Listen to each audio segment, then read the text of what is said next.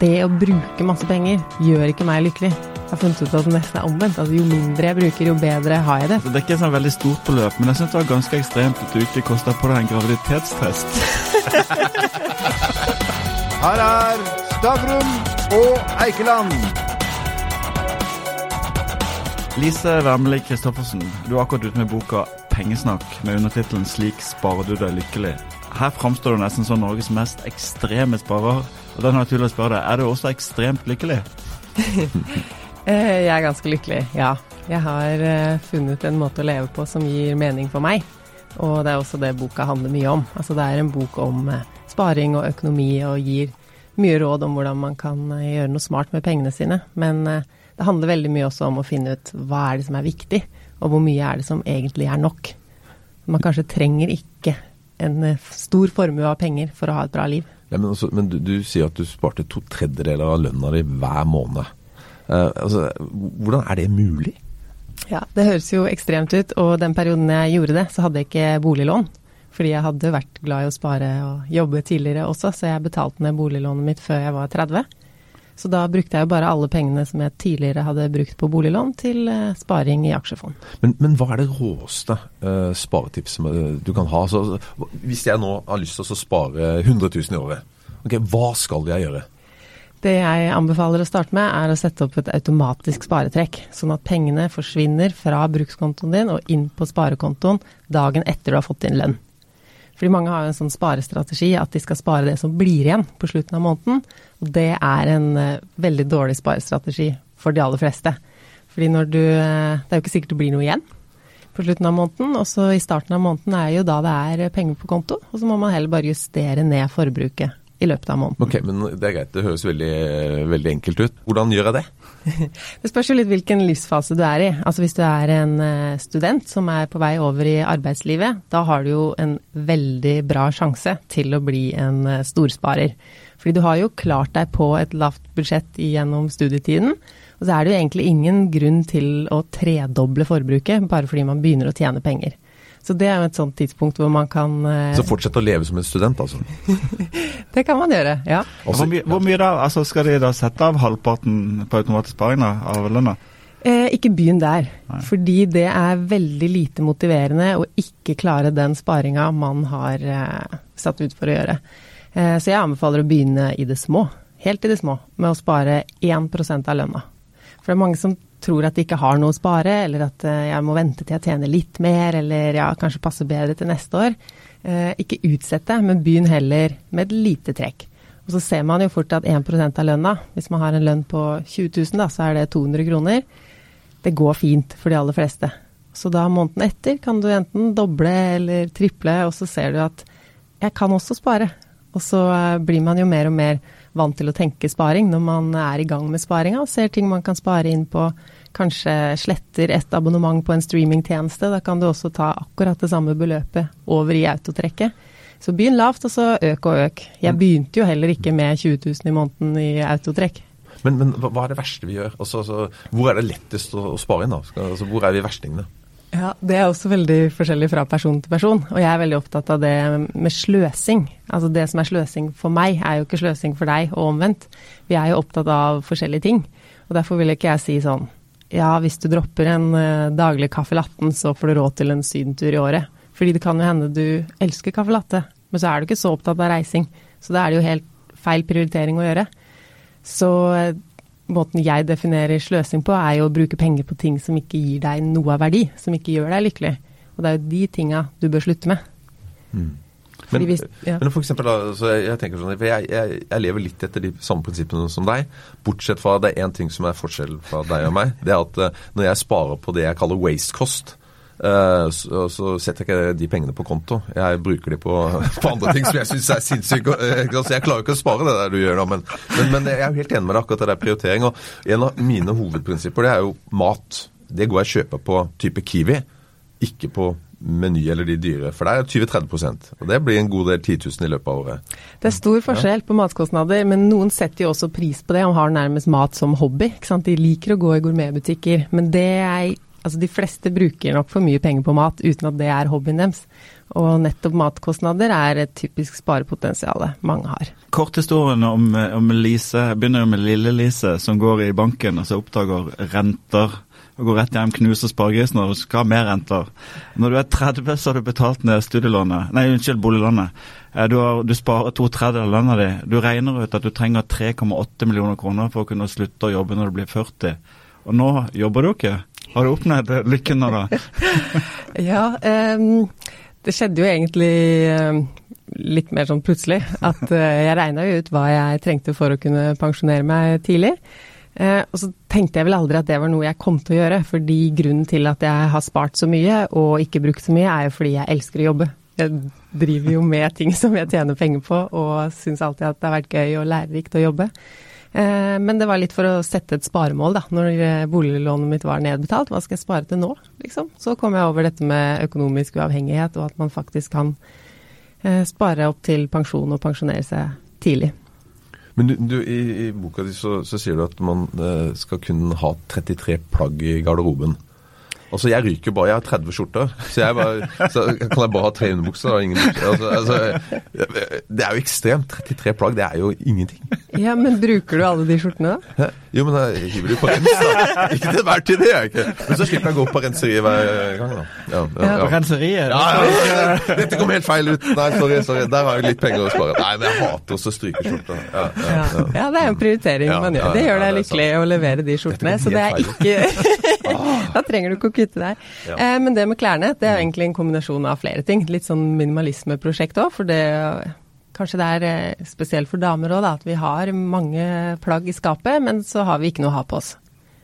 Så ved å ta vekk alle plagg som ikke har noe der å gjøre, akkurat for øyeblikket, og det handler jo om vinterklær på sommeren og sommertøy på vinteren, ting som er for stort eller for lite, eller som eh, har et hull, eller som bare jeg ikke liker akkurat nå, ta det vekk fra skapet, sånn at bare favorittene henger igjen.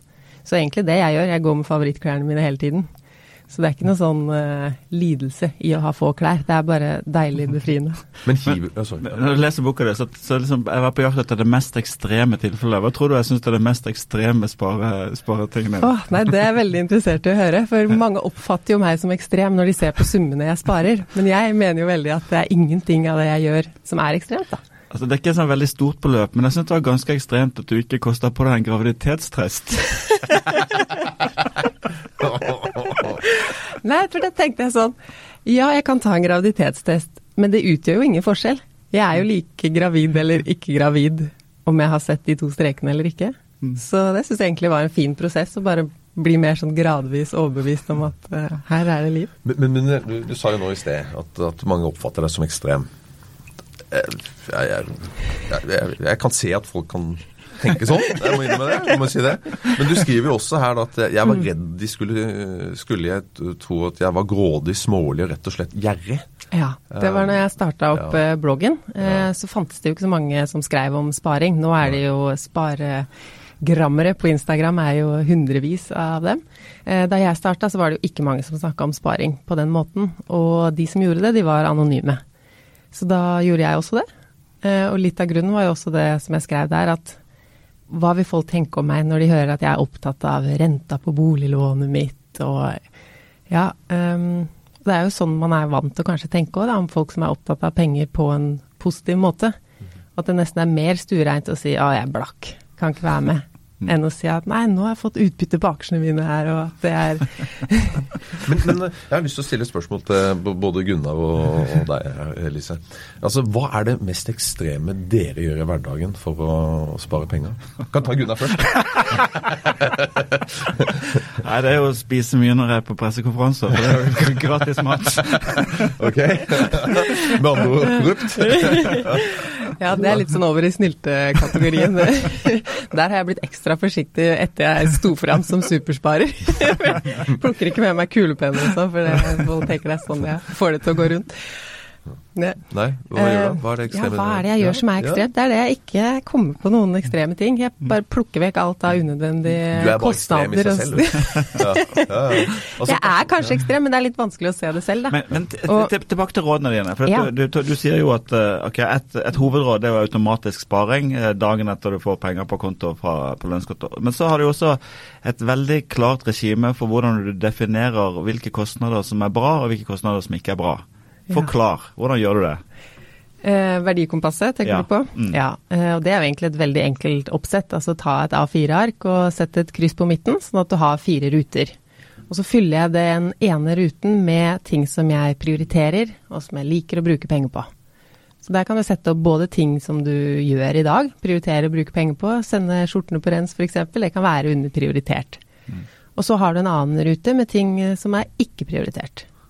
Og Der kan du liste opp uh, sammen med deg også ting du gjør i dag, men som du tenker det her har jeg ikke lyst til å prioritere lenger. For jeg ser jo at jeg har andre ting jeg heller vil prioritere. Uh, og så er det en rute med mål, altså økonomiske mål. Det kan også være ikke-økonomiske mål, for det er veldig mange ikke-økonomiske mål som også kan oppnås med annen bruk av pengene. Jeg liker å tenke på penger som et litt sånn verktøy for å få til ting vi ønsker oss. Sånn som det å jobbe redusert, som vi var inne på, eller å slutte å jobbe. Det er jo pengene som gjør det mulig for meg også. Så i den siste ruten så er det egentlig bare et sånt åpent spørsmål. Hvor mye er nok? Og det er spørsmålet jeg alltid kommer tilbake til, og jeg syns er veldig interessant. Fordi både når det gjelder små ting, skal jeg kjøpe den her mummikoppen, jeg samler på sånne mummikopper, og på et eller annet tidspunkt så er det jo nok kopper òg. Å spørre seg selv hvor mye er nok? Og om store ting. Man blir lett sånn revet med, og kanskje sånn vi er litt opptatt òg, at mer er bedre, og rikere er eh, bedre. Men uh, man vil jo alltid ha mer hvis man ikke har definert litt for seg selv hvor mye er nok. Når skal jeg si at nei, nå er jeg faktisk lykkelig? En toroms er drømmen min, eller rekkehus er drømmen min. For det kan jo bare fortsette og fortsette. Man blir litt sånn uh, blind på det man allerede har. Men hvis man klarer å sette seg selv i en annen situasjon, så ville man jo tenkt åh, hadde jeg bare hatt en seng å sove i, så hadde jeg vært lykkelig.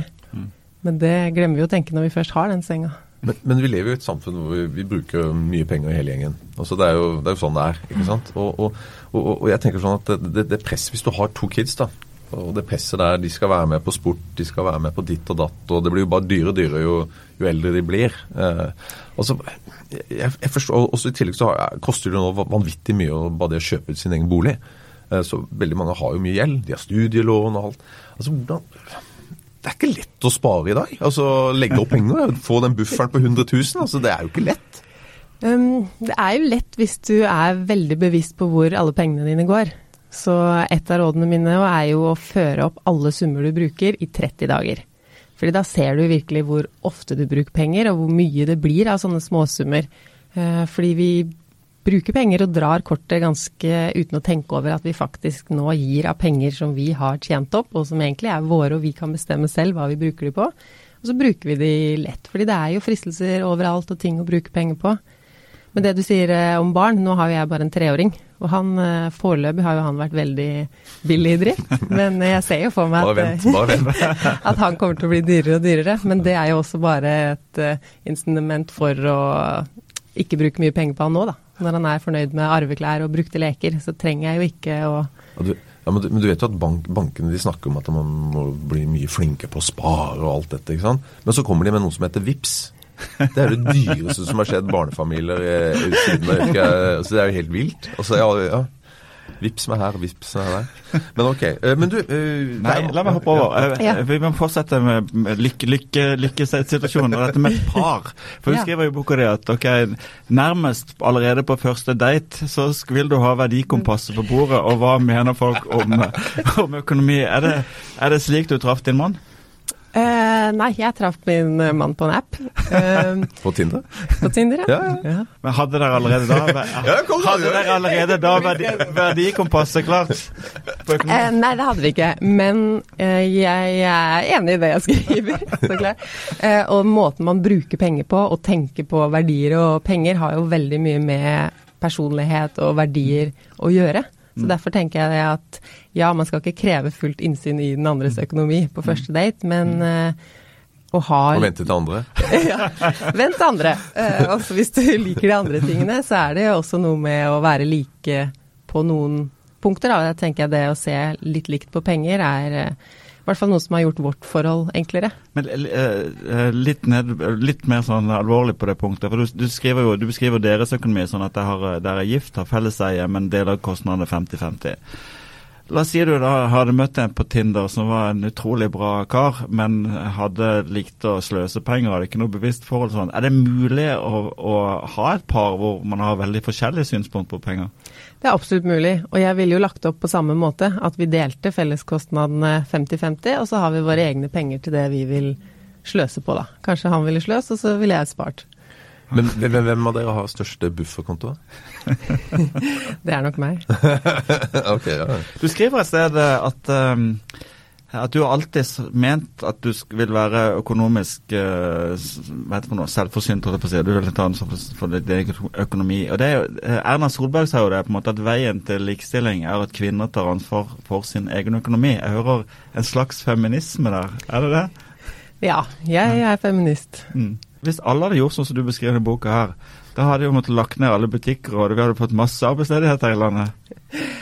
Ja, altså hvis alle hadde gjort sånn som meg, da, og drevet med det de er opptatt av, og funnet en måte å tjene penger på sitt eget eh, passion og det de vil drive med, da ser vi jo på en helt annen verden. Så da hadde det vært andre ting enn butikkdød vi hadde fokusert på. Mm. Vi ville jo hatt mindre klimautfordringer, f.eks. Hvis alle var som meg og ville fly mindre, spise mindre kjøtt. Mm. Eh, så det er umulig å se for seg, men det er vel også fordi det er en ganske umulig, et umulig scenario, da. Men ligger det, det, ligger en politisk overbevisning også bak dette for deg? Eh, nei, det er personlig. Okay. Ja, det handler om min egen uh, lykke, hva som jeg, gjør meg Altså, det å bruke masse penger mm. gjør ikke meg lykkelig. Mm har funnet ut at det nesten er omvendt. Altså, jo mindre jeg bruker, jo bedre har jeg det. For da har jeg mer tid egentlig til familien min og venner og det som jeg liker å drive med. Ikke måtte ja, handle og passe på alle disse tingene jeg handler og Hadde bare barna mine vært som deg. ja, ja, men, men, men altså, nå har vi snakket mye om altså, folk som eh, klarer å få endene til å møtes, selv om vi kanskje ikke vil spare så mye. Men det er jo veldig mange av oss uh, som, uh, som, egentlig har det veldig tøft. Uh, vi har aldri hatt så mye uh, forbruksgjeld som vi har, uh, osv. Når du først, først, har kommet virkelig ut i, i uværet og bare, alt er bare ræva, du tør ikke å åpne regningene når de kommer osv. Hva gjør man da? Det første jeg ville gjort, var å ta kontakt med Nav. Bare for å også gjøre situasjonen klarere for meg selv. Hva er det jeg sitter i her? Hva er mulighetene mine? Hva kan jeg gjøre? Eh, men så er det jo egentlig de samme sparetipsene som jeg gir de som allerede har en god økonomi og vil spare mer. Det er jo de samme sparegrepene de som virkelig har lite, kan benytte seg av, da. Og det handler jo om å planlegge maten, handle smartere, bake brød, eh, kjøpe brukt til både barna og seg selv, reparere ting som går i stykker. Det er jo de samme grepene som går for alle økonomier, da. Men fins det andre ting man kan gjøre? For det er klart at jeg tror det der steget ned på Nav, det, det, er mm. nok for veldig mange veldig, veldig tungt, for å si det sånn. Absolutt, men å være i den type gjeldsproblemer som du skisserer opp, er jo tungt. Og Nav har jo rådgivere som eh, ikke nødvendigvis at du skal få noe støtte, men en økonomisk rådgivning og et sted å starte. Hvis du har den postkasseskrekken og ikke veit i det hele tatt hva du skylder, så må du jo begynne et sted. Å gi opp er jo ikke noe løsning. Dette er jo ikke mitt uh, ekspertområde, og jeg er jo ikke en uh, økonom eller noe sånt, men jeg har jo snakket med mange som sliter med økonomien sin. Og det første steget er jo å ta inn over seg at dette er min situasjon, og sånn er det. Og veldig mange har jo noe å skylde på, altså en unnskyldning, om det er sykdom eller noe med noen familiemedlemmer og det å faktisk legge de unnskyldningene litt bort og innse at det her er min gjeld og min situasjon, og det er faktisk jeg som må ta tak i det, det tror jeg er første steg for å komme noen vei, da. På slutten av boka di så skriver du også om, om, investeringer. Jeg leste en blogg i dag som, var, som gikk på at uh, ikke hør på hva rike folk sier, se på hva de gjør. Og det de gjør, de er sparsommelige, men de sparer ikke, de investerer. Så hva bør du gjøre med de pengene du har spart, spart opp? Jeg investerer i mm. brede fond. Jeg er jo absolutt ikke noen investor og har ikke verken tid eller lyst til å drive med enkeltaksjer eller andre investeringer, så det er brede fond. Bolig? Bolig, ja. Det ser jeg mer på som en sånn lykkeinvestering, og der skal jeg jo bo. Mm. Eh, men det er jo klart at boligmarkedet er jo noe av det som har bidratt til at jeg i dag har god økonomi. Da. At jeg var tidlig ute med å kjøpe egen bolig og har flytta et par ganger. Men nå, som sagt, altså, du, du begynte jo å spare tidlig. og du var gjeldfri, eller hadde ikke noe boliglån da du var 30. Du, du, har pensjonsalderen klar i en alder av 33. Hva er neste mål, da? At du raskest mulig skal sønnen din også oppnå at han ikke kan jobbe resten av livet? eh, han sparer allerede i aksjefond, han. Eh, men målene mine har jo endra seg litt det siste året i og med at pengesnakk plutselig er eh, jobben min. Mm. Så nå er jeg mer opptatt av å få det til å fungere som en forretning, og at jeg har nok buffer til å kunne ja, det går jo ikke like bra hver måned som mm. det var jo mye mer uh, stabilt før, når jeg hadde en jobb med fast utbetalt lønning en dag i måneden. Mm. Apropos det, altså du, du har en, eh, en, Du var en blogg opprinnelig. Du har en podkast. Du eh, sto på Instagram. Eh, og du har akkurat kommet ut med en bok. Eh, og det ryktes at boka allerede etter bare en uke eller to har trykka sitt andre opplag. Mhm. Det går bra, dette? Ja, og det er jo veldig gøy når man først har skrevet noe, at det når ut til folk, og at folk leser den. Kjenner folk deg igjen på trikken, som hun ekstreme sparren? Eh, det har kommet noen bort til meg, men det, ja, det, er veldig hyggelig når de sier at jeg hører på podkasten og gleder meg til neste episode. Men, men, det som er fint med den, da, det er jo den er faktisk eh, Den er ikke altfor tykk, og den er lettleselig. Og det er jo litt sånn ok for eh, Du trenger ikke være økonom for å lese denne. Nei, og det er jo litt av poenget òg. Og jeg tror det er også derfor folk hører på meg når det kommer til penger og sparing og økonomi. Det er fordi jeg kan jo ikke alle disse vanskelige pengeordene selv, og jeg gjør det enkelt og forståelig fordi jeg er bare et vanlig menneske. Og når det kommer til boka, så jeg er jo vant med å skrive blogg og tekster på sosiale medier som jeg plutselig skulle hatt en helt annen skrivestemme i boka. Det hadde blitt litt feil.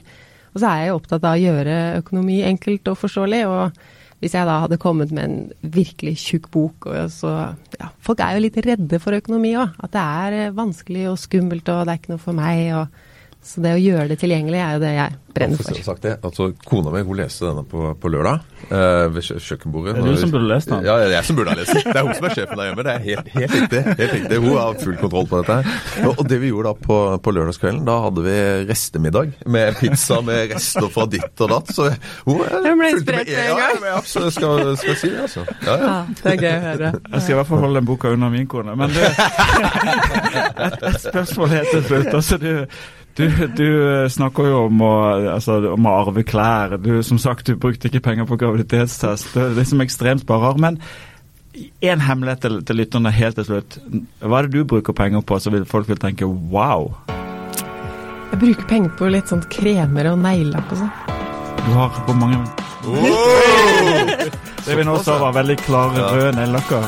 Men er det best beauty? Nei, jeg lakker sjøl, altså. Det er ikke, har ikke gått over. Nei, nei,